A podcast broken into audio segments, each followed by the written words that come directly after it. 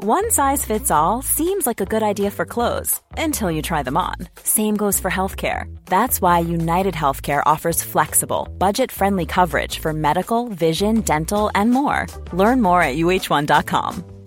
Wow! Nice! Yeah! What you're hearing are the sounds of people everywhere putting on Bombas socks, underwear, and t-shirts made from absurdly soft materials that feel like plush clouds. Yeah, that plush. And the best part? For every item you purchase, Bombas donates another to someone facing homelessness. Bombas. Big comfort for everyone. Go to bombas.com slash ACAST and use code ACAST for 20% off your first purchase. That's bombas.com slash ACAST. Code ACAST. Simon Gärdenfors här. Innan vi kör igång veckans upplaga av Arkivsamtal ska jag göra lite reklam. Jag kommer nämligen att spela in ett liveavsnitt av Arkivsamtal den 31 augusti i Göteborg. Så om ni vill sitta i publiken och lyssna på när jag och Agro snackar i en timme så googla Arkivsamtal Göteborg Fullclip som klubben heter. Så kommer ni kunna klicka er in på Facebook-sidan för evenemanget och hitta lite mer info. Nu kör vi igång!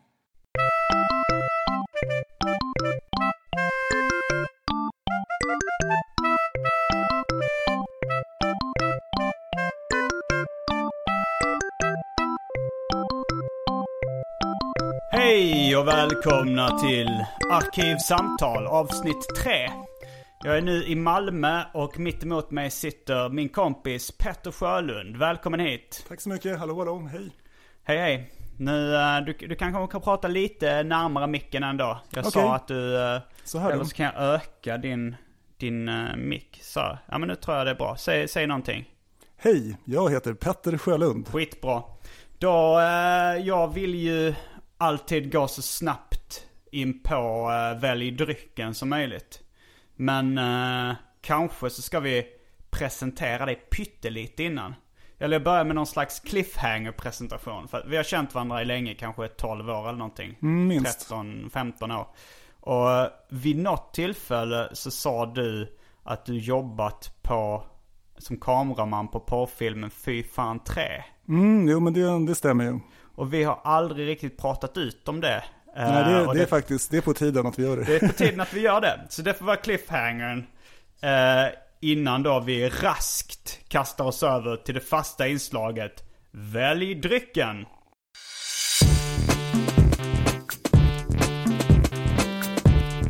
Jag tror vi börjar med det fasta inslaget Välj drycken. Eh, och eftersom, eftersom jag är i Malmö nu så hemma hos min storebror så eh, är det lite annat dryckutbud här. Vad spännande. Jag har inte frågat honom vilka drycker jag får ta, men jag, ifall du tar någonting som är från hans kylskåp så, så kommer jag kunna ersätta det sen på något sätt tror jag. Det, Eh, det får vi hoppas. Ja, det får vi hoppas. Och sen så har jag köpt lite grejer på Möllevångstorget och Systembolaget idag också för att, för att ha någonting att dricka så att säga. Men vi kör igång. Ja, Vatten. Fläderblomssaft. Kiviks herrgårdscider. 3%. Uh, Penfolds Bin 28. Som är ett rött vin. Uh, svartvinbärssaft. Svartvinbärsbrännvin. Ouzo. Castillero de Diablo. Det är ett rött vin. Eh, en drink som jag valt att kalla Hawaii Gay Club. Som är Passoir och Simpsons ananasläsk. Eller ölen Pabst Blue Ribbon. En slags, eh, ja det är en öl som jag hittade på Systembolaget som de coola nördarna i USA verkade vara förtjusta i att dricka. Eh, men eh, är det det de dricker i Blue Velvet? i den gamla filmen. Mm, det är inte något sånt att... Ska du börja göra mig upprörd och prata om David Lynch redan efter fem minuter? ja, men det är väl ett alldeles utmärkt sätt att eh, skapa underhållningsvärde. Eh, jag är inte jätteförtjust i David Lynch, men Petter, du är det väl? Ja, det vet jag inte om jag skulle säga att jag är så värst förtjust i honom. Det kanske har varit en favorit för Mm. när jag var lite yngre. Men Pabst Blue Ribbon, ja det är väl någon slags arbetarklassöl i USA från början. Mm. Som nu har blivit, här slänger jag upp två citattecken i luften, kult. I Jag- USA. Jag tror att det är så, att det är någon sån här komisk produktplacering, att de nämner eller Heineken väldigt många gånger i filmen. Och Ah. att eh, Dennis Hoppers karaktär, som är någon sorts eh, psykopat, att han eh, tycker att det är bögöl och att man ska dricka Pabst Blue Ribbon istället. Men jag det kan var- minnas fel. Mm. Ja, Pabst Blue Ribbon, det är nog lite macho och sådär. Men alltså så här, när, jag tror det, jag vet inte vad den svenska motsvarigheten skulle vara. Det kanske inte finns någon sån riktig arbetarklassöl i Sverige. Pripps men- Blå kanske. Pripps Blå kanske. Men, var, men, men man skulle nog inte riktigt, för när jag var i Chicago på den här seriemässan på, eh, Det är bäst att stänga av mobilen kanske. ja det är kanske lika bra. Men jag kan fortsätta berätta. Men när jag var på den seriemässan så, och så var vi på en fest då efteråt, så var det såna här hipsternördar liksom som som var såhär, när de skulle bjuda på öl, var så You gotta have a Pabst Blue Ribbon man, you just gotta try this! Och tyckte det var så jävla liksom kult och så jävla coolt. Så De var så nästan- stolta över den här Man ölen. blev, blev lite irriterad på det liksom för att, eh, för att det, det skulle vara så tufft, det skulle vara så ball. Men nu när jag såg att de hade den på Systembolaget så kunde jag inte låta bli att köpa den i alla fall. Så någonstans så... Vill du vara tuff? Vill jag vara, ja jo det, det är inget jag sticker under stol med.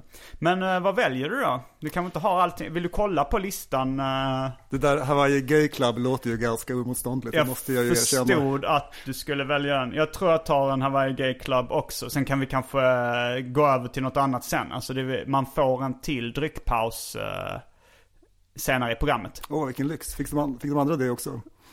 Eh, ja, Hanna Fahl fick det. Men eh, när Maja Aspera då så eh, hade vi så stor winespritzer så att den höll hela programmet. Och sen så plus att vi, vi babblade extremt oavbrutet jag och Maja så det gick inte riktigt att... Ni hann inte dricka helt Nej vi hann inte dricka så mycket. Vi hann dricka varsin winespritzer. Men till kylen, vi är tillbaks snart med varsin Hawaii Gay Club.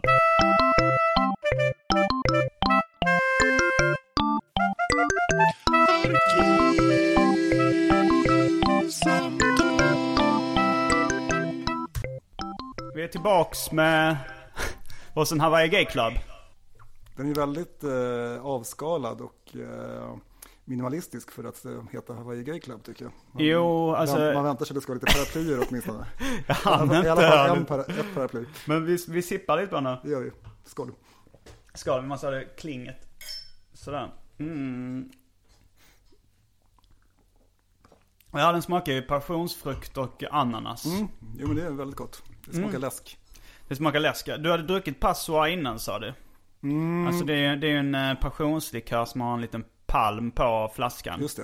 Det var nog därför jag tänkte så här Hawaii Gay Club att det skulle vara men färgglad och palm och sådär. Eh, men vad var det du, du sa att du brukar blanda det med Jag brukar inte blanda det. Jag tror att jag blandade ihop det med en annan likör som heter Kahlua som är, är eh, kokosnötslikör. Och nu tror jag att du blandar upp Kahlua med eh, kokosnötslikören eh, som heter Malibu. Mm, det är inte omöjligt. Men okej, så du, bruk, men du, brukade, du brukar smutta på Kahlua, eller menar på Passoa ren? Men vad är då Kahlua? Kahlua, det är den man har i White Russian tror jag, som är alltså såhär nöt, eh, likör. Mm, eller det är inte choklad. Nu, nu är jag inte helt säker på, jag vet att det är nöt och kaffe och kanske även chokladlikör. Då ser man. Jag kanske inte är någon riktig drinkkille, får jag väl erkänna. Ja, du sa, du hade nog velat bli en drinkkille. eh, För att när, när, eh, när du började jobba, Petter jobbade även som redaktör på, eh, på Egmont. Han tog över när jag slutade där. Eh, På serieförlaget. Då sa du att när du fick den höga lönen så började du köpa drinkar istället för öl på krogen. Det stämmer. Och även så här, bjuda mina vänner på drinkar. Oj, så då, då raderades hela den höga lönen i ett nafs. Det måste ju ha varit väldigt hög, för jag minns att det var ganska svårt att göra av med allt. Oj, ja men det var det nog. ja. Men det var också det, man kunde ju inte gå ut så ofta eftersom det var, jag, jag jobbade ju rätt mycket. Det var inte så att man hade tid att gå ut flera gånger i veckan. Nej, men eh, du, du var redaktör för Fantomen. Men det stämmer, och eh, lite andra tidningar.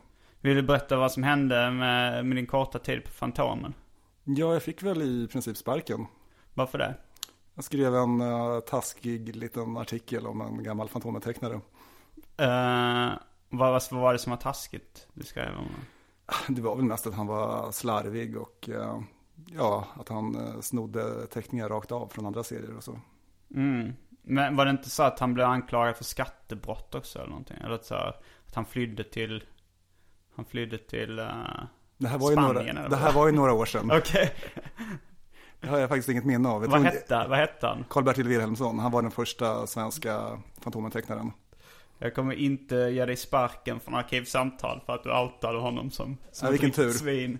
Ja. Men jag kanske inte får komma tillbaka. Eh, I Arkivsamtal? Mm. Ja, det får, det får du om du vill. Det...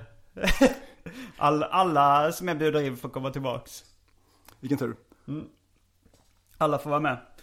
Eh, ja, det var eh, då, då kanske vi ska... eh, du, du, du berättade just när du kom hit att du undrade om du skulle få din radioröst. Mm, det stämmer. Jag, jag jobbade ju, jag gick ju på Journalisthögskolan i Stockholm för ungefär 15 år sedan. Eller jag gick ut för 15 år sedan. Och då var inriktad på tv framförallt. Men då fick man ju en, en tv-röst som är väl ungefär detsamma som en radioröst.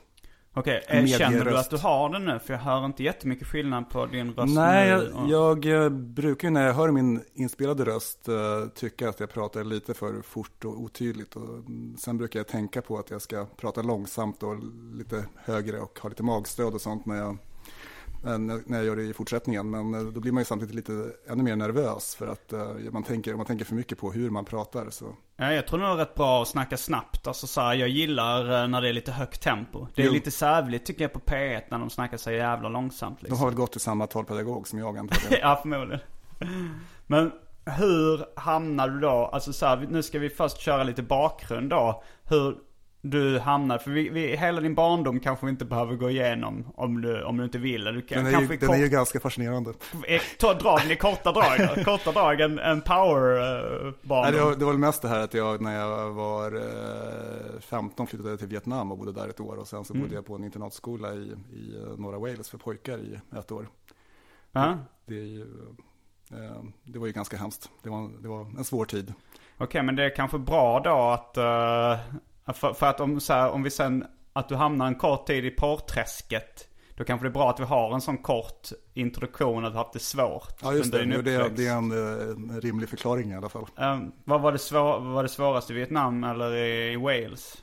Det beror på hur man ser det. Det var ju, framförallt så var man ju ganska så här ensam och eh, eh, jag hade ju ingen jämnårig direkt, ingen, ingen kille i min egen ålder som jag kunde hänga med liksom. Inte var ens på pojkskolan i Wales? På pojkskolan i Wales hade jag ju det, men Ja. inte, inte i Vietnam. Så på det sättet Nej. så var ju Vietnam mer ensamt och isolerat. Men eh, Ingen av dina syskon var med där? De kan inte vara födda då? nej, jag hade ju mina systrar där, men eh, de var ju lite, liksom lite yngre. Mm. De var ju, de var ju så små. Och eh, ja, vi hade inte så mycket, så himla mycket gemensamt. Och sen flyttade ni tillbaks till Sverige? Ja, Som var vilken stad? Eller vilket? eh, Östersund, men det var alltså, eh, först var det här året i, i Wales emellan då, Ja, där jag var helt själv. okej. Och då var man ju ännu mer utsatt. Det var ju, liksom, det var ju som ett fängelse. Det var ju, ni har ju säkert sett filmerna. Det var ju... Jag har sett, eh, jag har sett Ondskan. Mm, jo, men alltså inte i det, Wales. nej, det var, men det var ganska likt Ondskan. Um, Det var inte så mycket fysisk misshandel, det var mera psykisk tortyr. Okej. Så, eh, och sen började du på Journalisthögskolan. Mm, så småningom. Och nu vill jag veta liksom hur du gick från Journalisthögskolan till Fy fan 3. Ja, det, det var ju som sagt, jag var ju specialiserad på eh, tv, så jag hade ju lärt mig att eh, använda en kamera, en filmkamera. Mm. Och eh, Så det är sådana människor de utbildar på, på Journalisthögskolan. jag har hört talas om någon annan i alla fall som har gått från, från JMK till, till porrträsket. Mm. Men, och eh, på den här tiden gjordes det ju ganska mycket, gjordes ganska mycket porr i Sverige, mycket så här amatörporr. Det fanns en marknad för det. Det här var ju lite innan internet. det görs nog amatörporr fortfarande men då får folk inte betalt för det kanske. Nej, det är, nu när man pratar om amatörporr, då är det ju just sånt som folk inte får betalt för. Mm. Men på den tiden var det mer, ja, porr med eh, aktörer som inte har gjort det tidigare. Okej, så det var nybörjare. Ja. För, ja. Men du, du gick ut Svenska Journalisthögskolan. Vad var steg ett ner i porrträsket då? Eh, ja, det var nog att jag hamnade i dåligt sällskap, att jag började hänga med uh, ja, syntare och uh, serietecknare och andra uh, bisarra människor. Vill du nämna några namn? Ja, det är alltid roligt. Det var väl Erik Uppenberg som han heter numera. Det var väl han som var min typ bästis på, på skolan. Och, Ja, alltså ni gick i samma journalist... han gick ju alltså året över mig. Okej.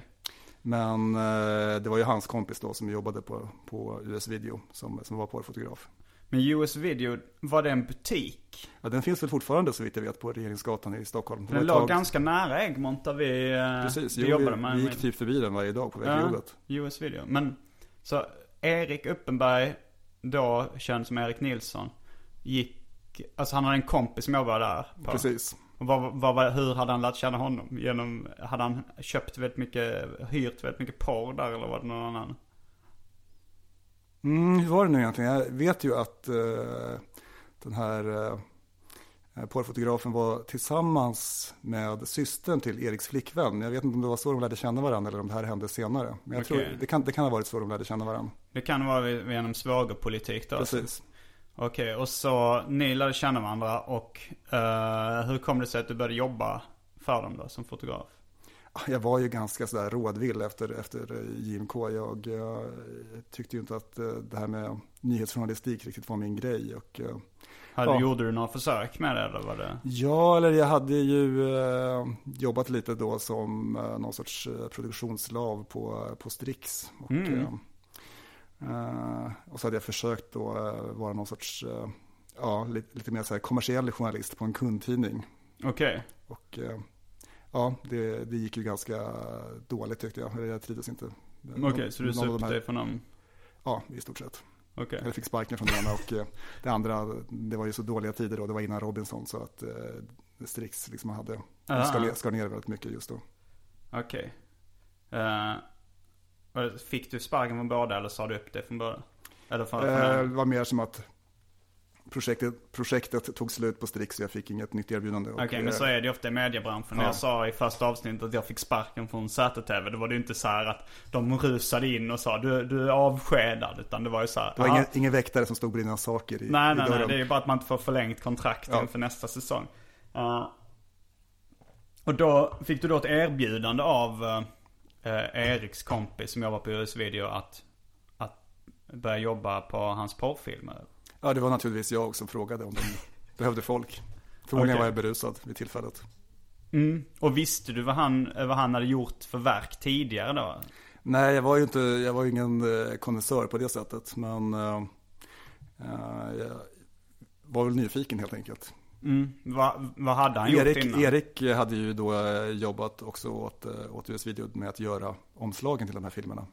Alltså formge omslagen? Ja, precis. Tog han foton då också eller var det bara, eller tog han liksom frames från filmerna och sen la till? Nej, det funkar ju så när man, när man spelar in de här filmerna att man tar, man tar promotion stillbilder också. Mm. Okej, så använder man dem. Eh, Som och sen omslag. får han fejda från lila till rosa och lägga till en, Ja, en logo i. Jo. Jag minns att han gjorde omslaget till eh, filmen Mission Impossible. Mission Impossible. Ja, precis. Och då, då, då så gjorde han en parafras då på Mission Impossible-affischen. Okej. Istället för eh, Tom Cruise eh, svarta silhuett så var det en, en kvinnosilhuett med en kuk i munnen. Okej.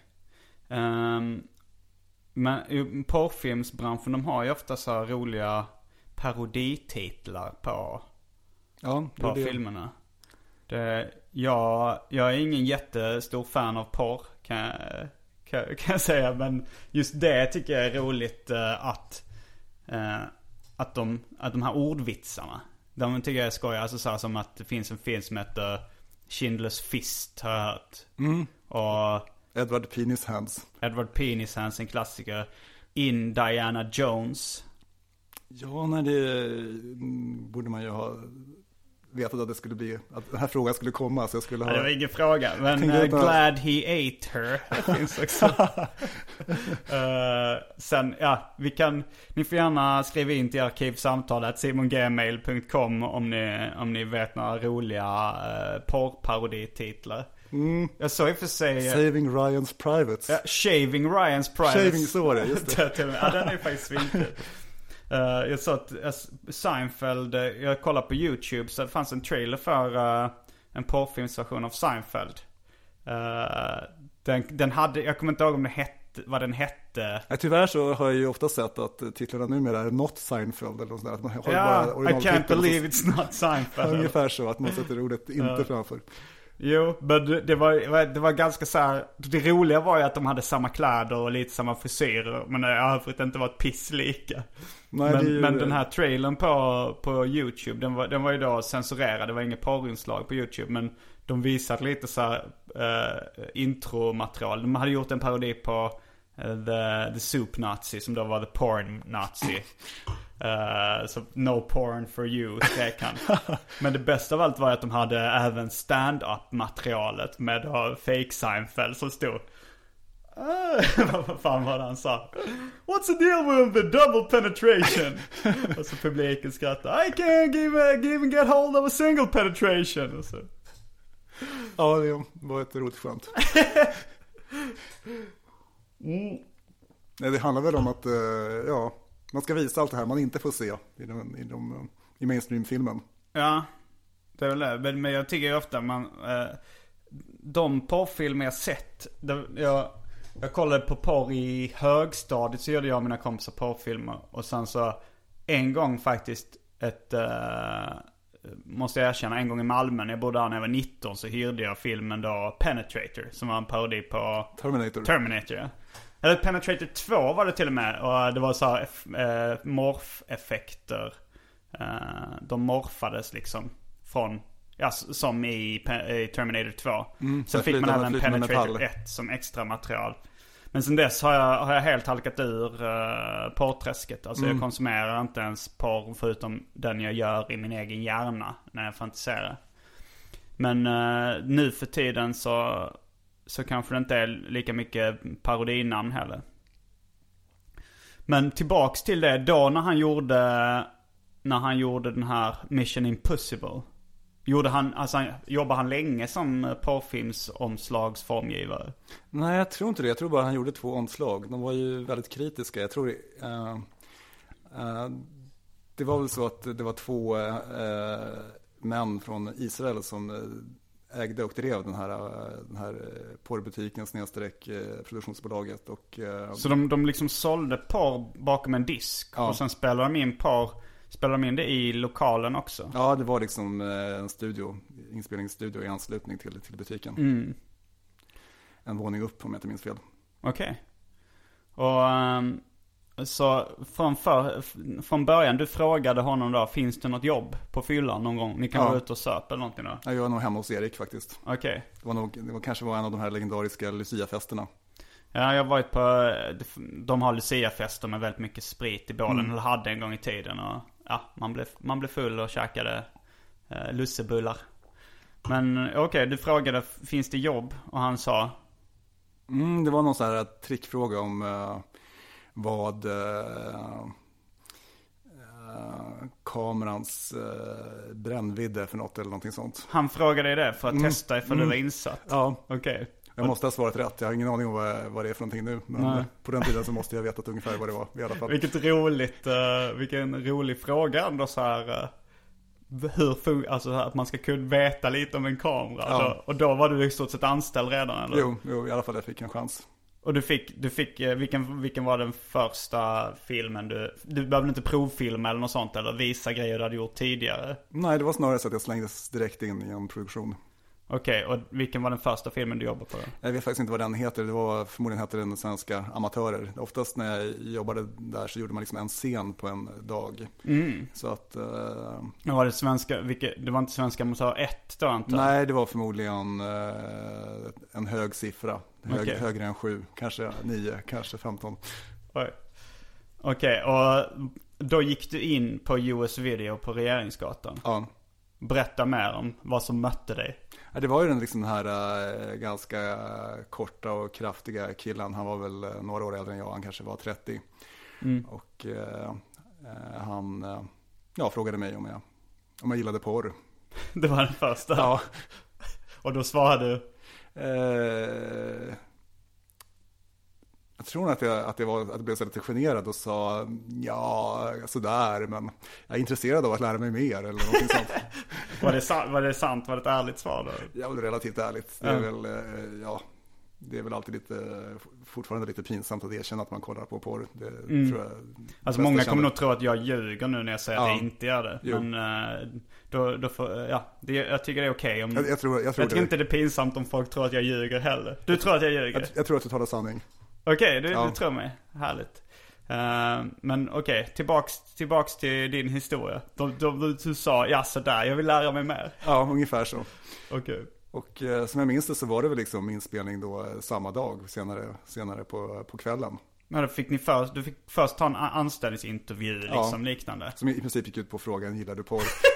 Först, vad är bländartiden på en Ja. kamera eller vad fan? Ja. Eller vad heter det? Det var nog var i bländaren. eh, vad Okej, det. och sen gillar du på. Så det är de två kvalifikationerna som Ja. du fick. Och efter intervju, när du sa det, jag vill lära mig mer, så sa de bara okej, Ja, du kan prova ikväll. okej. Och sen, sen gick du ut på stan eller vad hände sen? Ja, jo, det, var väl, det var väl så att det var eh, ett par som kom från Örebro för att spela in en film. Mm. Och eh, det märktes ju att de, att de tyckte det här var väldigt kul och spännande. Och de var svenska amatörer då, så Ja. de var de första det var deras första gång i porrvärlden Ja, också. precis. Och Jag- du var, debuterade som kameraman. Just det. Så det var många debutanter i just eh, den filmen. Mm. Och eh, som jag förstår det så hade han skickat in ett brev till US Video och eh, bett om att få göra den här filmen. Och då hade försäljningsargumentet varit att han skulle ha med sig tre kvinnor från Örebro. Men tydligen så var det två av dem som hade backat ur. Men de körde i alla fall. De sa Ja. okej.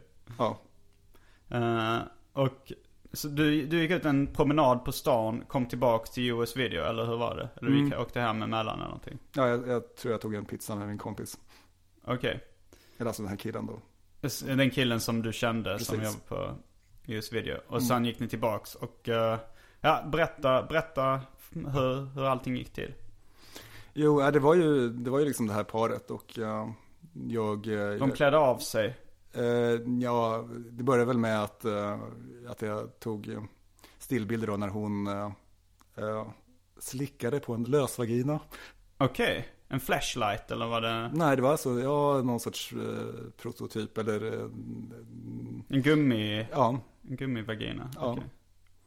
och eh, Det började hela, alltså så här, du riggade upp kameran, hon kom in naken eller? Nej, nej, nej, de hade kläder på sig. Okej. Och eh, ja, det var ju så lite nervös och fnissig stämning förstås. Mm. Och hur många var ni i teamet förutom det här det, var, det, var alltså, det var jag och min kompis och så var den här regissören. Så vi var alltså eh, tre personers team Okej. förutom, förutom då skådespelarna. Men du var första kameraman på den? Nej, jag var nog andra. Det var liksom hela tiden. Det var din polare som var första, första. kameraman? Ja, precis.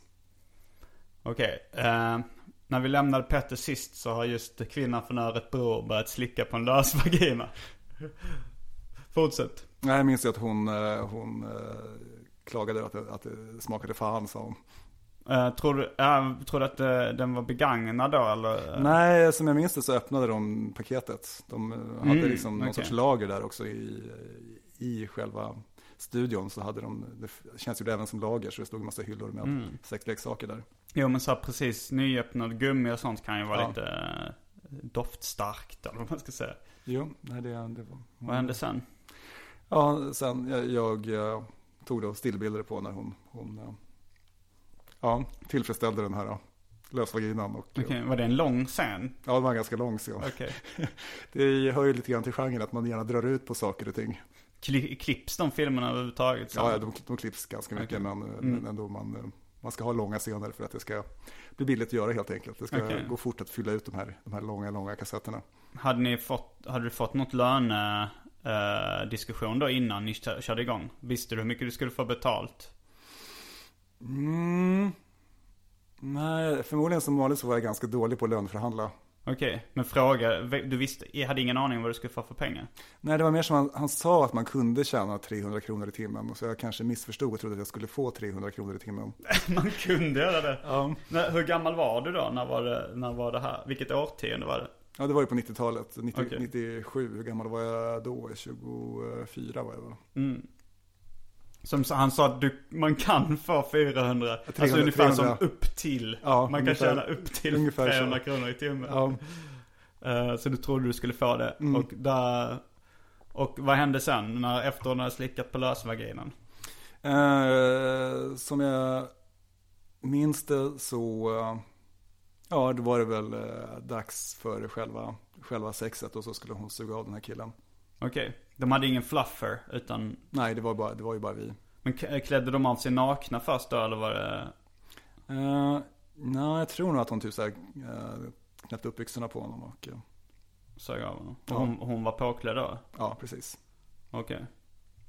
Men de hade, de hade nog fått, nej men de hade nog sina egna kläder. Det var ingen, ingen, eh, ingen, eh, En kos- kostym? ingen kostym. Däremot så var det någon tjej som hade gått någon eh, sminkutbildning som var där på någon sorts praktik eller eh, hur det nu var. Men hon, hon eh, tyckte det var väldigt roligt i alla fall att eh, göra sin praktik på, på en porrfilmsinspelning. Mhm. Så det var en, en, En femte? till. Ja. Ja, precis. Nej, Eller sjätte eller vad det blev? ja, Mm. en sjätte ja. Och sen, ja det, kan, det kanske är meningslöst att gå igenom hela samlaget i detalj. Alltså så här, var, var det, det var inga extravaganser i det? Mm. Men det, var, det var ju det att det var, att det var väldigt eh, vanilj. Att, Ja. eh, ja, hon eh, ville inte köra analt och det var liksom, eh, Försökte de hetsa henne till det? nej, men eh, han, han sa det, det var liksom det första han sa, att eh, det var, det ställde hon inte upp på. Okej. Och sen, ja de, de bara hade vanligt sex, alltså Ja. ja. missionären bakifrån och sen, och så Ja, filmade ni det väldigt länge. Ja, Och i han, stort sett. Och han hade ju naturligtvis svårt, först svårt att få upp den. Och, Mm. eh, på grund av nervositet då inte jag. ja, det hade alla. Mm. Och eh, sen hade han väldigt svårt att komma. Det hade ju också alla. Det var ju framförallt att komma som var det svårare för, Mm. för killarna. Men, eh, men hur länge höll ni på att filma? Ja, vi, vi höll på i eh, säkert eh, tre, tre, fyra timmar. Mm. Var, det, var det ett roligt jobb? Gillade du det? Det var väl det att det var så bisarrt och konstigt och eh, jag var ju då som nu ganska blyg och tyckte att egentligen att det här med sex var ganska otäckt. Så att det Mm. var någon sorts terapeutisk funktion också. Att man tar någonting som är stort och eh, farligt och gör någonting eh, banalt och ganska tråkigt av det. Ja, ja men som i, som i så här, det här tv-programmet där man ska komma över sina fobier. Mm, Vad ja, heter fear, det? fear factor eller sånt. Factor. Det var lite som det för det. Ja. Eh, Okej, och sen, sen var de klara. Lyckades han komma till slut? Ja, eh, det här var alltså före Viagra. Det, Mm. Jag kommer inte ihåg vilket år Viagra kom, men, men i alla fall så, Före Viagra var billigt i alla fall. så han fick en, eh, de hade sprutor istället som de satte i kukroten. Så att, Va? Ja, men så att det, det var alltså, det var regissörens pappa, det var han som var någon sorts vd för, för företaget. US-video. Ja, precis. Eh, och, alltså- Som satte in en spruta i kuken på honom. Fick ja, du se det här? Nej, nej det, det gjorde Ja. de inne på hans kontor. Och, det- och det var någon motsvarande Viagra han fick? Ja, någonting sånt ja. Okej. Och man fick liksom, då fick man erektion i typ en eh, timme eller något.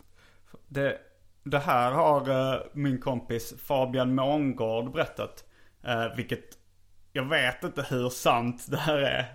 För han, eh, jag, jag vet inte, hans historia är väldigt bra. Så, så bra ofta så att man kanske ifrågasätter sanningshalten, trovärdigheten i den. Han berättar att eh, typ några kompisar, att hans föräldrar var läkare.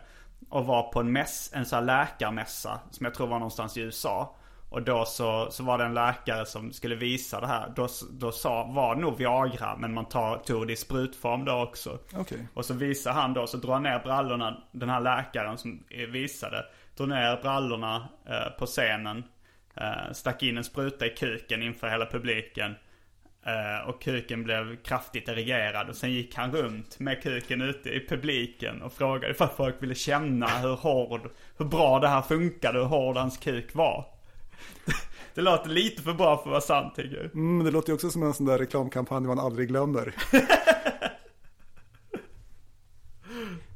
Men han fick alltså en spruta i kuken, Ja. ja. örebroaren. ja. Eh, och då direkt så fick han vrålstånd eller vad? Mm, jo, jag tror att det var ganska omedelbart. Mm. Problem, då Problemet var ju ofta det, de kunde liksom ha den uppe en liten stund och sen för ett tag så, så eh, så slaknade han. precis. Men eh, då fick han alltså, men han lyckas, han, kom, han lyckas komma med den där sprutans hjälp då liksom? Jag tror inte att eh, sprutan hjälper så mycket för själva, själva utlösningen. Eh, Det är väl vad jag förstår ungefär så med Viagra också. Att eh, det hjälper för erektionen men inte så mycket för, för orgasmen. Mm. Så att den, den tog väldigt lång tid. Jag tror att de, det var därför jag, det tog fyra timmar. För att typ den sista timmen gick åt till att vänta på att han skulle komma. Och jävlar, så ni spelade in i fyra timmar? Ja, Och han kom aldrig? Nej, nej men det var, så var det på alla Men inspelningar. de, de knullade de i, i stort sett i fyra timmar? Ja, Slutet var liksom att hon runkade av honom och sög av honom för att han skulle Okej. komma. Uh, några andra minnesvärda scener från Svenska Amatörer 15? Ja, Just den här, eh, den här eh, inspelningen, den skrev ju faktiskt en, ett reportage om det som gick i uh, Total Film. Jaha, det har jag missat helt. Mm, ja, det, var ju, det var ju några år sedan. Och det var den första. Och sen när ni hade spelat klart, vad, hur, vad hände då? Fick du betalt? Fick... Mm, då fick jag alltså bara 300 kronor för de här fyra timmarna. Ah, okej. det, var Svart. inte, det var inte jättemycket pengar. Det var ju inte för det. fyra timmars jobb. Inte ens på den tiden. Nej. men, men du eh, sökte ändå tillbaks till US Videos porrfilmsinspelningar? Ja, av någon anledning. Det var väl det att jag var extremt fattig och tyckte ändå att det var ganska kul och bisarrt. Så, Roligare, roligare att prata om efteråt kanske än att faktiskt göra det. Men ändå, ändå Så du hade att lite, lite i huvudet så här, det här ska jag kunna prata om i efterhand? Ja, jag såg det kanske lite grann som att jag wallraffade och skulle kunna göra avslöjande reportage om det här efteråt. Ja, det är alltid ett... eh, En ursäkt. En ursäkt. men men eh, vad, hände, vad var nästa, nästa steg då? Alltså var det nästa film? Eller nästa, kallade de in det igen? Tyckte de att du gjorde ett bra jobb? Nej, det var väl framförallt det här med att eh, ta stillbilder som han var missnöjd med. Jag hade av någon anledning tänkt att det skulle bli så här bra och eh, naturligt ljus genom att studsa blixten mot taket. Så jag hade liksom vridit blixten uppåt och eh, tydligen inte tillräckligt mycket så att typ de hade blivit, fått skugga i ansiktet och fått lite ljus längst upp i pannan typ. Du, hade, du ville ha lite mer konstnärliga bilder? Ja, de blev, lite, liksom- väl, de blev lite väl konstnärliga. Ja, men där blixt rakt på är, är sällan snyggt. Men det, det, det ska man ju göra, det är ju porr med blixtdrag på. Mm, det är det. Men fick du se Svenska Amatörer 15, eller vad den hette, när den var klar? När den var färdigklippt? Ja, jag eh, bad ju faktiskt om att få ett ex av videon när Mm. jag skulle göra det här reportaget. För Ja. när det skulle gå i totalfilm så ville de ju ha någon sorts bilder till. Mm. Och då, ja, jag gick dit och frågade om jag kunde få ett, ett ex. Och då fick jag betala fullpris, jag tror det var 300, 300, 350 kronor för. Så du förlorade Ja. 50 kronor? Du fick fick- inget medverkande ex? Nej, inget medverkande ex. Men jag fick ganska bra eh, betalt för reportaget vill jag minnas. Så att det, jag Ah, tror okej. ändå att det gick plus. Ja. Men hur, var, hur var filmen? Men Den var väldigt tråkig. Jag är ju liksom, jag är ingen stor porrkonsument, korvkonsument. Men eh, jag eh, tyckte verkligen att den var helt ointressant. Mm, du blev inte upphetsad? Nej, Varken under inspelningen eller? Nej. Ja, det var snarare att det var själva den bisarra situationen som Mm. var lite kittlande. Okej. Eh, och sen ringde de dig tillbaks då Ja, och ville ha mer jobb gjort? jo, jag tror att det var bara några veckor senare. Och vilken film var det då? Jag minns faktiskt inte vad den, vad den hette. Som, som sagt, de gjorde de här scenerna och sen så efteråt så var det som att de samlade ihop dem och gjorde så här compilations av de här scenerna jag gjorde. Man gjorde liksom en, en scen per dag och så i en, en videokassett kunde det vara tre eller fyra scener. Så att den filmen du fick sen när du skrev till Total Film, det var de filmtidning som fanns på 90-talet. Ja, Eh, men den, den filmen du fick då, det var en compilation, en Ja. samling av Ja. massa svenska amatörer. ja visst. Eh, Och den jag hade gjort var ju den klart tråkigaste scenen i filmen. men alla fick vara med ändå, de klippte inte bort några. nej, nej det, det var väl det. Det handlade väl om att fylla ut. Mm. Och nästa film, det, du minns, minns inte vad den hette eller vad det var för? Nej, nej, men det var alltså, det var bög på det. Det var, det var två snubbar. Det var homoporr? Ja, Bög på, okej. Och uh, kö, var, var, det, var det samma visa då? Var det amatörer från Örebro eller vad var det? nej, jag tror att de var från Stockholm faktiskt. Och kändes de proffsigare? Ja, de var väl, ja, de var lite mera, jag tror att de hade gjort det någon gång förut faktiskt, båda Mm. två. Var, var det björnbögar eller vilken sorts män var det? Mm, nej, han var lite, lite så här typiskt blå, blåögd, lite eh, arisk, lite så här, eh, ja, ganska mager och kanske lite nördig och söt. Och den andra var lite mer så här eh, blatte, liksom, eh, lite hårig, lite svartmuskig. Okej, de var inte inoljade eller? Nej, nej, det var, var de muskulösa? ja, den ena, den här eh, svartmuskiga killen var nog lite, lite gymmad. Mm. Den, Men, andra, du, den andra var bara tanig. men du kommer inte ihåg vad den hette? Det hade ju varit roligt att veta. Ja, det hade varit väldigt roligt att kunna leta rätt på alla de vi, här. kan, vi kan få, uh, Vi får återkomma till vi det får här. återkomma till det här. Eh, och du har, den, eh, den, fick du se den när den var klar? Nej, den har jag faktiskt inte sett. Jag, jag fick ju inte se någon av de här. Jag var liksom inte med vid, vid redigeringen eller eh, jag fick ju Nej. inga medverkande ex. Fick du credits i eftertexterna? Eh, Ja, jag tror att, eh, jag tror att det var min, min kompis som, som redigerade och han eh, la in mig som Petter Niklas. Som, ja, som Petter förnamn Niklas i efternamn. Ja, Ja, det var ju fyndigt. mycket fyndigt. Men, men eh, har du några, minns du några, några incidenter eller händelser under den här uh, bögporrfilmsinspelningen? Mm, nej, inget, inget speciellt spännande. Det var ju, eh, förmodligen så var jag fortfarande lite homofobisk på den här tiden. Det var ju eh, 90-tal, det var ju fortfarande lite kontroversiellt med, Mm. homosexualitet. Jag hade blivit väldigt eh, mobbad på min internatskola för att de trodde att jag var bög. Så jag, Mm. Ja, förmodligen så var jag lite, lite homofob. Men homofobisk som i ordets ursprungliga bemärkelse att man är rädd för homosexualitet eller alltså så här, nu för tiden sägs ju homofob att man hatar bögar liksom. Mm, jag tror inte att jag ville utrota eh, eller döda, döda några bögar, men jag tyckte väl att det var lite konstigt och obehagligt och så. Men det tyckte du inte med den hetero-amatörporren? Nej, inte på samma sätt. Nej. Eller jag var mest ovan kanske. Ja, förmodligen. Men vad, eh, vad gjorde de då? Var det var analt och oralt och Ja. ja, det var inget speciellt. Det var inget, inga överraskningar? nej, inget fistande. Inget. Och det var inget, vad var handlingen? Jag tror att det var det att eh, den ena killen spelade chef till den andra. Mm. Det kan vara så att, han, att det var någon sorts ans- anställningsintervju. En anställningsintervjusituation. Okej, så det var, var ditt kontors Ja. lokal? Jo, de hade liksom så här eh, små eh, scener eller kulisser uppbyggda där i, i studion. Så att det, det här var alltså ett, eh, ja, en, ett kontor, en, ett skrivbord. Mm. Var, var det någon handling i svenska amatörfilmen? Eh, nej, jag minns nog bara som att de körde igång direkt. Vad, hur Möj- var möj- rekvisitan? möj- den? Möjligen att det, liksom att, det, att det handlade lite grann om att de, att de intervjuade dem och berätt, fick berätta att de hade hört av sig. Liksom, Mm. Så vet man skrivit dokumentärt. Ja, Men handlingen, det var, han kom in på en anställningsintervju. Och så, sen sa de typ, ja, eh, du måste visa att du är beredd att gå hela vägen ja om du vill ha ungefär, det här ungefär jobbet. så. Ja, jag, kan, jag skulle ju kunna skriva de manusen. Kunde Det skulle nog ha blivit väldigt mycket bättre än det, än det manuset som användes. Kanske det, jag vet inte. Eh, men, men så, och det var ungefär så då. Ja, Och, och hur slutade den? eh, det slutade med, eh, med utlösning. De lyckades båda komma. Jag tror det faktiskt. Men det var, jag tror nog att det, den ena fick ta en spruta han också. Okej, var, det, var det den håriga killen eller den eh, söta killen? Jag tror att det var den söta killen som hade svårt att, svårt att få upp den. Han lite mesigare? Mm, Okej. ju Så slutade det sig. med att de kom varandra i ansiktet eller var det? Ja, ja. Är det det som kallas money shots? ja det, det var ju inte så när jag jobbade men eh, tydligen i Hollywood så är det eller har varit så att man som manlig porrskådis får man inte betalt förrän man faktiskt kommer. Ah. Så det, Vet, vet du vad de fick betalt, de skådespelarna du jobbade med? Eh, Jag har ju, jag kollade ju upp det här, när jag, det står ju i reportaget. Men Mm. eh, jag tror att det var ganska dåligt att det var typ en, en 500 per person eller så. Lite bättre än andra kameramannen. Ja, lite bättre, inte mycket.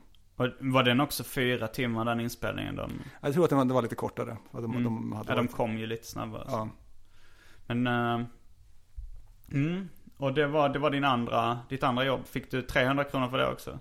ja jag, jag, jag tror att det var lika mycket. Jag, jag minns ju att jag klagade för min, min kompis. Och han, han sa att jag skulle få 300 timmar och så fick jag 300 för fyra timmar. Men, Mm. han- och han, han skällde ut den här regissören lite. Och eh, resultatet blev att jag fick precis samma lön för nästa film. Men vad levde du på då under den perioden när, när du jobbade med det här? Eller så här, det kanske inte tog jättemycket tid, fyra timmar Nej, det var, det var väl det att jag, jag, jag bodde ganska billigt. Jag bodde hos en släkting och Mm. jag hade låg hyra. Och eh, ja, förmodligen så eh, um, hade jag väl lite, lite besparingar och sånt också. Mm. Så det, det var ditt andra verk. Kände du eh, att, du hade, att du hade blivit bättre då som, Mm, som jag, fotograf? jag tyckte nog att jag, att jag började få lite mer koll på kameran. De klagade ju också på den första filmen, förutom att eh, ja, det här med skuggorna i ansiktet så hade jag eh, för mycket närbilder. Att det var för lite så här helfigur, liksom miljö. Du hade för mycket miljö? Ja, Det var för lite. Att det var För mycket- lite miljö? För mycket närbilder och för lite där man liksom ser hela, hela scenen. Ah, okej. Ta ett steg tillbaka. Det är lätt att man liksom bara fokuserar på själva pumpandet. Det Mm. det här man glömmer att ta ett steg tillbaka och få med helheten också. Det är minst lika viktigt. Men sen finns ändå en del prestationer inblandade. Ja, men det handlar liksom om att vissa saker funkar. Och det, Mm. det ligger någon, sorts, ja, någon, någon, någon form av vetenskap och kunnande bakom det här. Så var Fy fan 3, var det din tredje film? Det, Ja, jag har ju lite vaga minnen av det här Mm. som sagt. Men det är ju, som jag minns det så var nog det den tredje filmen.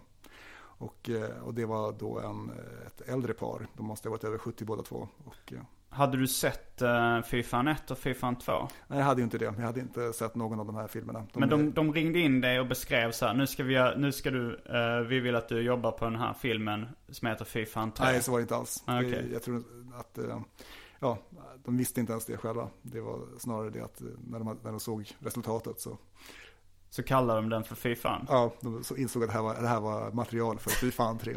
Alltså, men, de, så, men de hade gjort Fifan 1 och Fifan 2. Vet du Ja, vad de det- handlar om eller? Ja, det var väl liksom eh, så här slaggprodukter, sånt som var för äckligt, som inte var tillräckligt, eh, eh, tillräckligt fräscht för att ha i, de, i den ordinarie, ordinarie utbudet. Liksom Okej, det. men vem, vem var den tilltänkta målgruppen för Fifan-filmerna?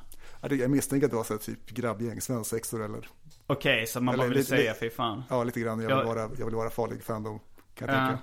Sådana som hänger på Flashbacks forum nu för tiden. Okej, för jag tänkte att min första tanke var att folk gick igång på, alltså gick igång sexuellt på det äckliga. Det är det förmodligen de som gör också. Uh, vad he, det finns ett namn på det, på den läggningen. När man tänder på grejer som är så äckliga som möjligt. Det gör det förmodligen. Ja, jag har inte... eh, jag har inte hört. Ja, jag kommer inte ihåg vad det hette. Nu tog jag en klunk på det sista av uh, Hawaii Gay Club. Jag tror vi ska ta en liten, liten paus och eh, komma tillbaks. Det är en cliffhanger nu. Just Petter ska just börja spela in Fy fan 3. Vi ska ta en drink till och vi kommer tillbaks snart igen. Ja, vi är tillbaks nu igen med, med nya drinkar. Jag tog då en Pabst Blue Ribbon och Petter tog En Rickard. Rickard. Du Rickard. lugna nerverna lite. Eh, Jo, nej, det är ju ganska traumatiska minnen vi, vi är inne på. Ja. Uh, fy fan 3. Okej, det var alltså två, det kom in två gamlingar i Mm. rummet och du var helt oförberedd på det. här. Nej, jag hade väl i, i princip fått eh, situationen berättad för mig. Okej, hur gamla skulle du säga att de var? Någonstans mellan, mellan 70 och 80. Så, riktiga oldtimers. Ja, Men var det som, eh, det var som svenska amatörer då att de hade hört av sig och Ja, ville precis. göra en härfilm? ja och det var ju hon som hade hört av sig. Och som jag förstår det så hade hon först eh, bara hört av sig själv och då så hade de haft svårt att hitta, hitta någon eh, kar åt henne. Eller fall någon som var villig att ställa upp. Så nu den här gången hade hon hittat en man också. Och var kom hon från? Hon var från Stockholm. Mm. Och eh, hon hade också skickat in en bild då på mannens eh, snopp som hade en orm, en ormtatuering. Alltså hon hade skickat in en bild på sin mans kuk Ja, som var en orm. ja. Men de hade svårt, vad sa du, men bangade han ur hennes man? Att spela in eller var det? Jag tror inte att de var gifta, de var bara, de var bara bekanta. Okej, men, men, men hon hade ju själv hittat en man då som... Precis, det var han som hade ormen. Okej. Alltså först så skickade hon in en och jag vill vara med i en porrfilm Ja. och sen... eh, eh, och sen så försökte de hitta en man då. Ja, Und, undrar om hon... eh, om de sa till henne då, du, du kan få vara med i en porrfilm men då får du vara med i Fy fan-serien.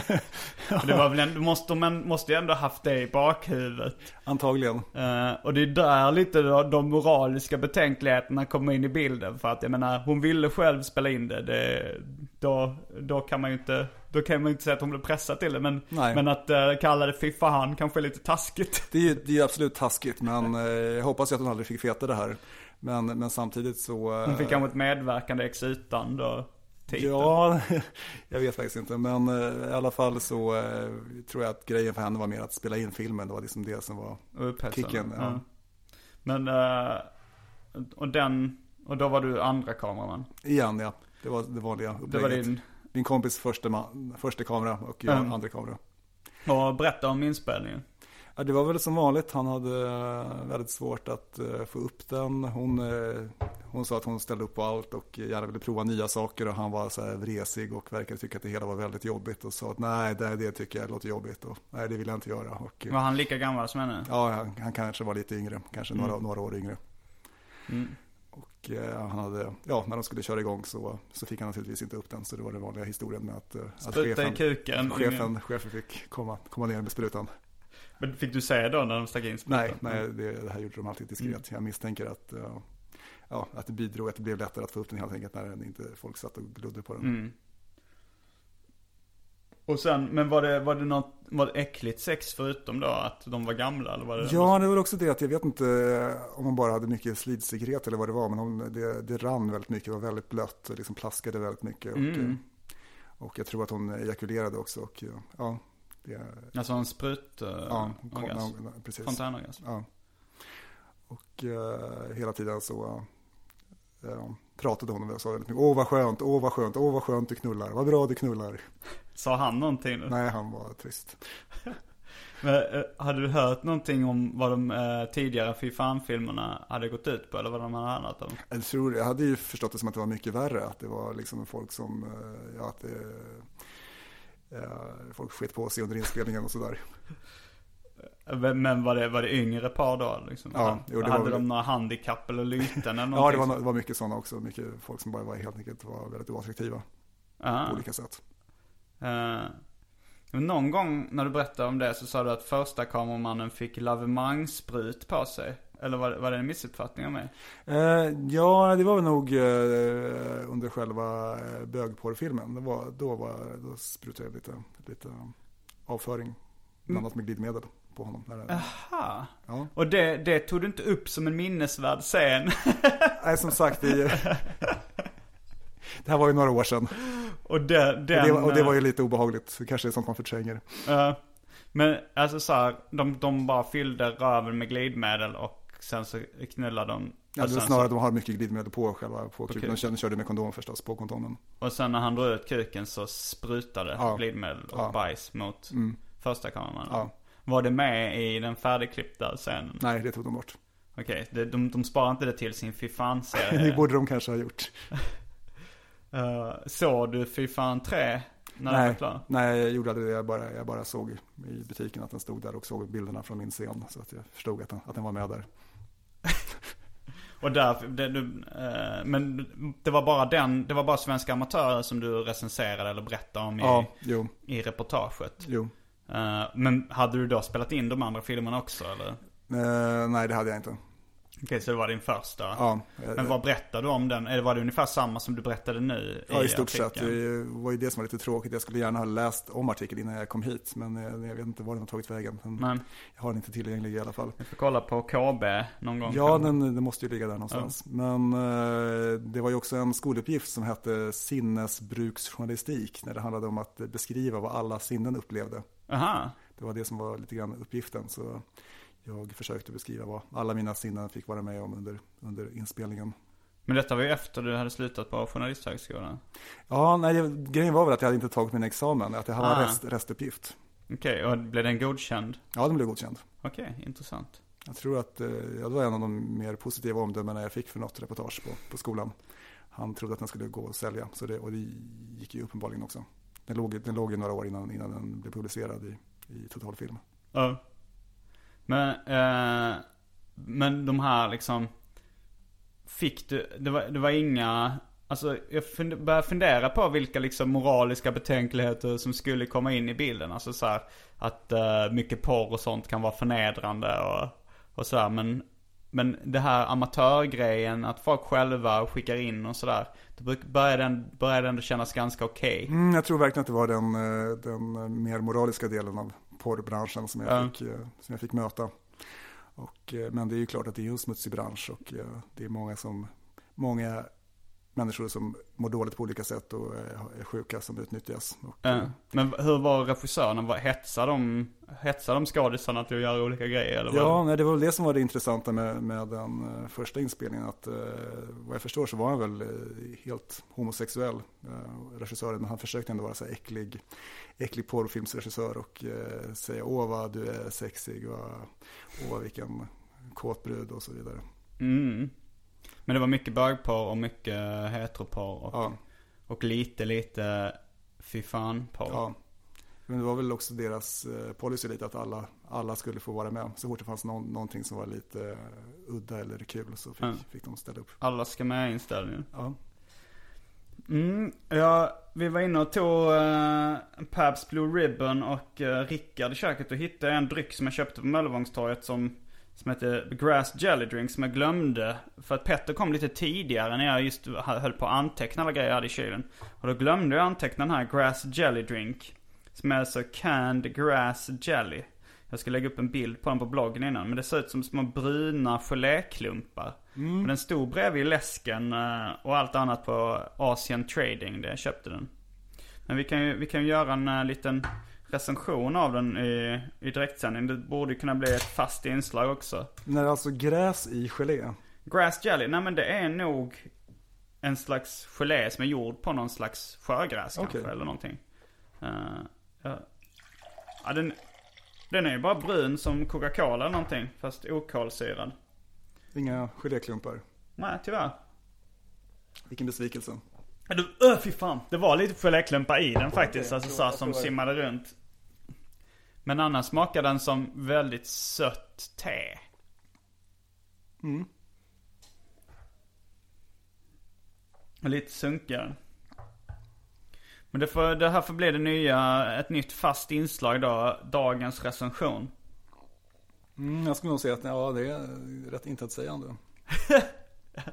Ja, det, det, en- fast eh, chocken när man märkte att det var slemklumpar i. Du kan få hälla upp lite mer om du vill. Lite Det var, det var brutal. överraskning. Liten, liten överraskning skulle jag säga. Och den klumpar sig lite nu när det, man kanske skulle skakat den innan. Men eh, finns det något mer att säga om uh, Fifa 3 eh, än det vi redan har berättat? Hmm. Annars så kan vi ju gå över på det sista inslaget. Eh, för brev har jag ju eh, sagt ska bli ett fast inslag. Och det har inte gått speciellt länge. Det har bara gått en dag eller två dagar sedan, eh, sen jag spelade in med Maja Asperö Lind. Så jag har inte hunnit få in så många brev. Dock fick jag in ett telefonsamtal. Det var, då var det min flickvän som hade lyssnat på första podcasten. Och sa att det hon skrattade mest åt det var när jag sa att den här podcasten kommer handla väldigt mycket om mig själv för att det är ett av mina specialintressen. Och eh, då tyckte hon att alla andra som gör podcast, de gör så här att det ska vara liksom intervjuer med folk. eh, och att man får reda på om deras liv. Ja, men, men hon sa, ja hon skrattade åt det sen sa hon att, eh, ja du är ett riktigt charmtroll, sa hon. Så att det var ändå liksom, hon uppfattade väl ändå som positivt. Men jag tänkte ändå på det att det ansågs bisarrt att göra en självbiografisk podcast. Alltså så här, självbiografiska serier är ju inte, det är ju ingen som rynkar på näsan om man, om man berättar om sig själv. Ja, Det har ju blivit helt uh, accepterat nu med. Ja, var det, det var kanske det i början när någon, "Åh, han gör en serie om sig själv. Det, det, Ja, det, det är ju lite ego. Det går ju inte att komma ifrån. mm, Men det är oftast kul att läsa eller höra. ja. Det är svårt Ja. att misslyckas med att, eh, med att vara självbiografisk. Ja, men man får, man, om man lär känna folk från, från barndom till, från vaggan till graven så att säga. Då, då tycker jag det blir intressant vare sig man vill det eller inte. Eh, jag, jag älskar själv då att läsa biografier och liknande. Och, eh, just nu så, du ser bredvid där så i, igår kväll så läste jag Walt Disney. Walt Disneys biografi. Är det bra? Den är bra, alltså bra på det sättet att den är extremt välskriven. Men eh, han är han, det är väldigt lite skandal i den. Han är, han är en arbetsnarkoman som, han mår inte jättebra alltid men liksom annars så är det så ganska vanlig hårt arbete och, och stor framgång och vissa, vissa bakslag liksom. Det man brukar höra är ju hur synd det var om hans medarbetare. Att han Jo. var så eh, taskig. Jo det var han ju. Som fast- slavdrivare. Eh, han ville inte ha någon fackförening och sånt där men eh, Men han, och under perioder var han taskig men, men eftersom han var så liksom Han lärde sig att bli snällare efter, efter första efter, Eller så här, han, hade perioder, när han mådde dåligt så var han taskig och när han mådde bra så var han väl helt okej Det enda som jag, det enda som var pyttelite skandalöst i den Det var när eh, Han snackade om De snackade om inspelningen till eh, Snövit-filmen. Hans första animerade långfilm. Och då... och det, jag hade hört någon gång innan lite att han skulle vara eh, antisemit eller rasist eller så här. Det fanns vissa sådana rykten. Det har inte kommit upp så mycket. Det stod att han var... Han var inte rasist. Men som de flesta män i den åldern var så var han rasmässigt okänslig. Och att det stod att han kallade, när dvärgarna typ la sig en stor hög på, på golvet i Snövit. Kommer du ihåg den scenen? Mm, nej, Jag kommer inte heller ihåg den. Men då kallar han den för the nigger heap. den kanske är bortklippt. Niggerhögen. Jag vet inte, jag tror, jag tror den är med. De, de kallar, alltså han kallar väl den internt. Okej, idag ska vi animera the nigger heap. Det var väl det som var... Varken du eller jag minns den här. Men eh, det, kanske, men- det kanske är den här scenen som vi ser på Kalanka på julafton som slutade med en, Ja. en negerhög. Det är det förmodligen. Men jag menar det finns väldigt mycket fördomar om, eh, om svarta. Och det, de flesta, eller ja, jag, jag är inte alls fördomsfull. Nej men det är jag inte. Men jag menar en fördom som in, inte har hört om svarta människor är att de lägger sig i stora högar. Varför kallar han det för the nigger heap? Mycket, mycket ologiskt. Ja. Eh, ja, vi har i stort sett uh, avverkat en timmes arkivsamtal den här, eh, den här veckan.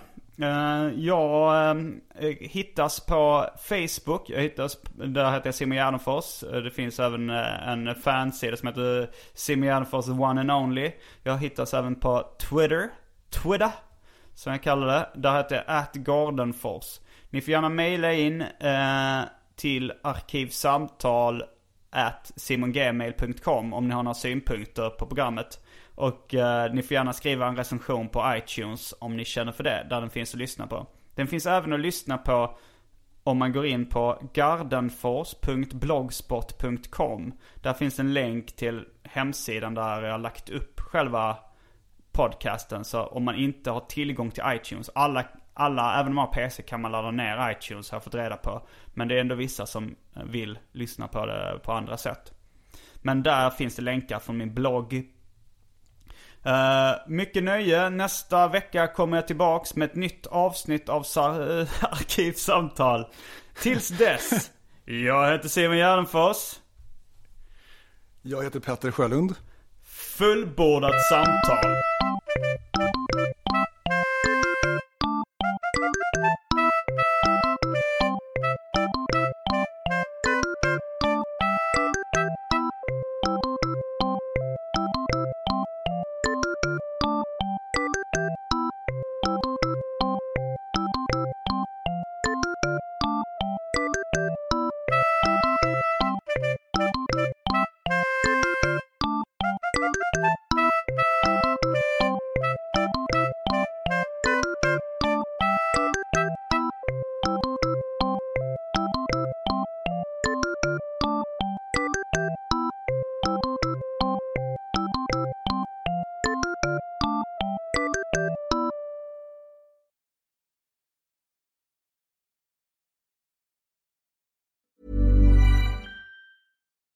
Deserves the best, and there's no better place to shop for Mother's Day than Whole Foods Market. They're your destination for unbeatable savings, from premium gifts to show-stopping flowers and irresistible desserts. Start by saving 33% with Prime on all body care and candles. Then get a 15-stem bunch of tulips for just $9.99 each with Prime. Round out Mom's menu with festive rosé, irresistible berry chantilly cake, and more special treats. Come celebrate Mother's Day at Whole Foods Market. Planning for your next trip?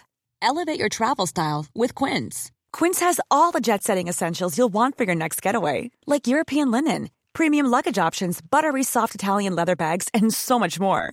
And is all priced at 50 to 80% less than similar brands.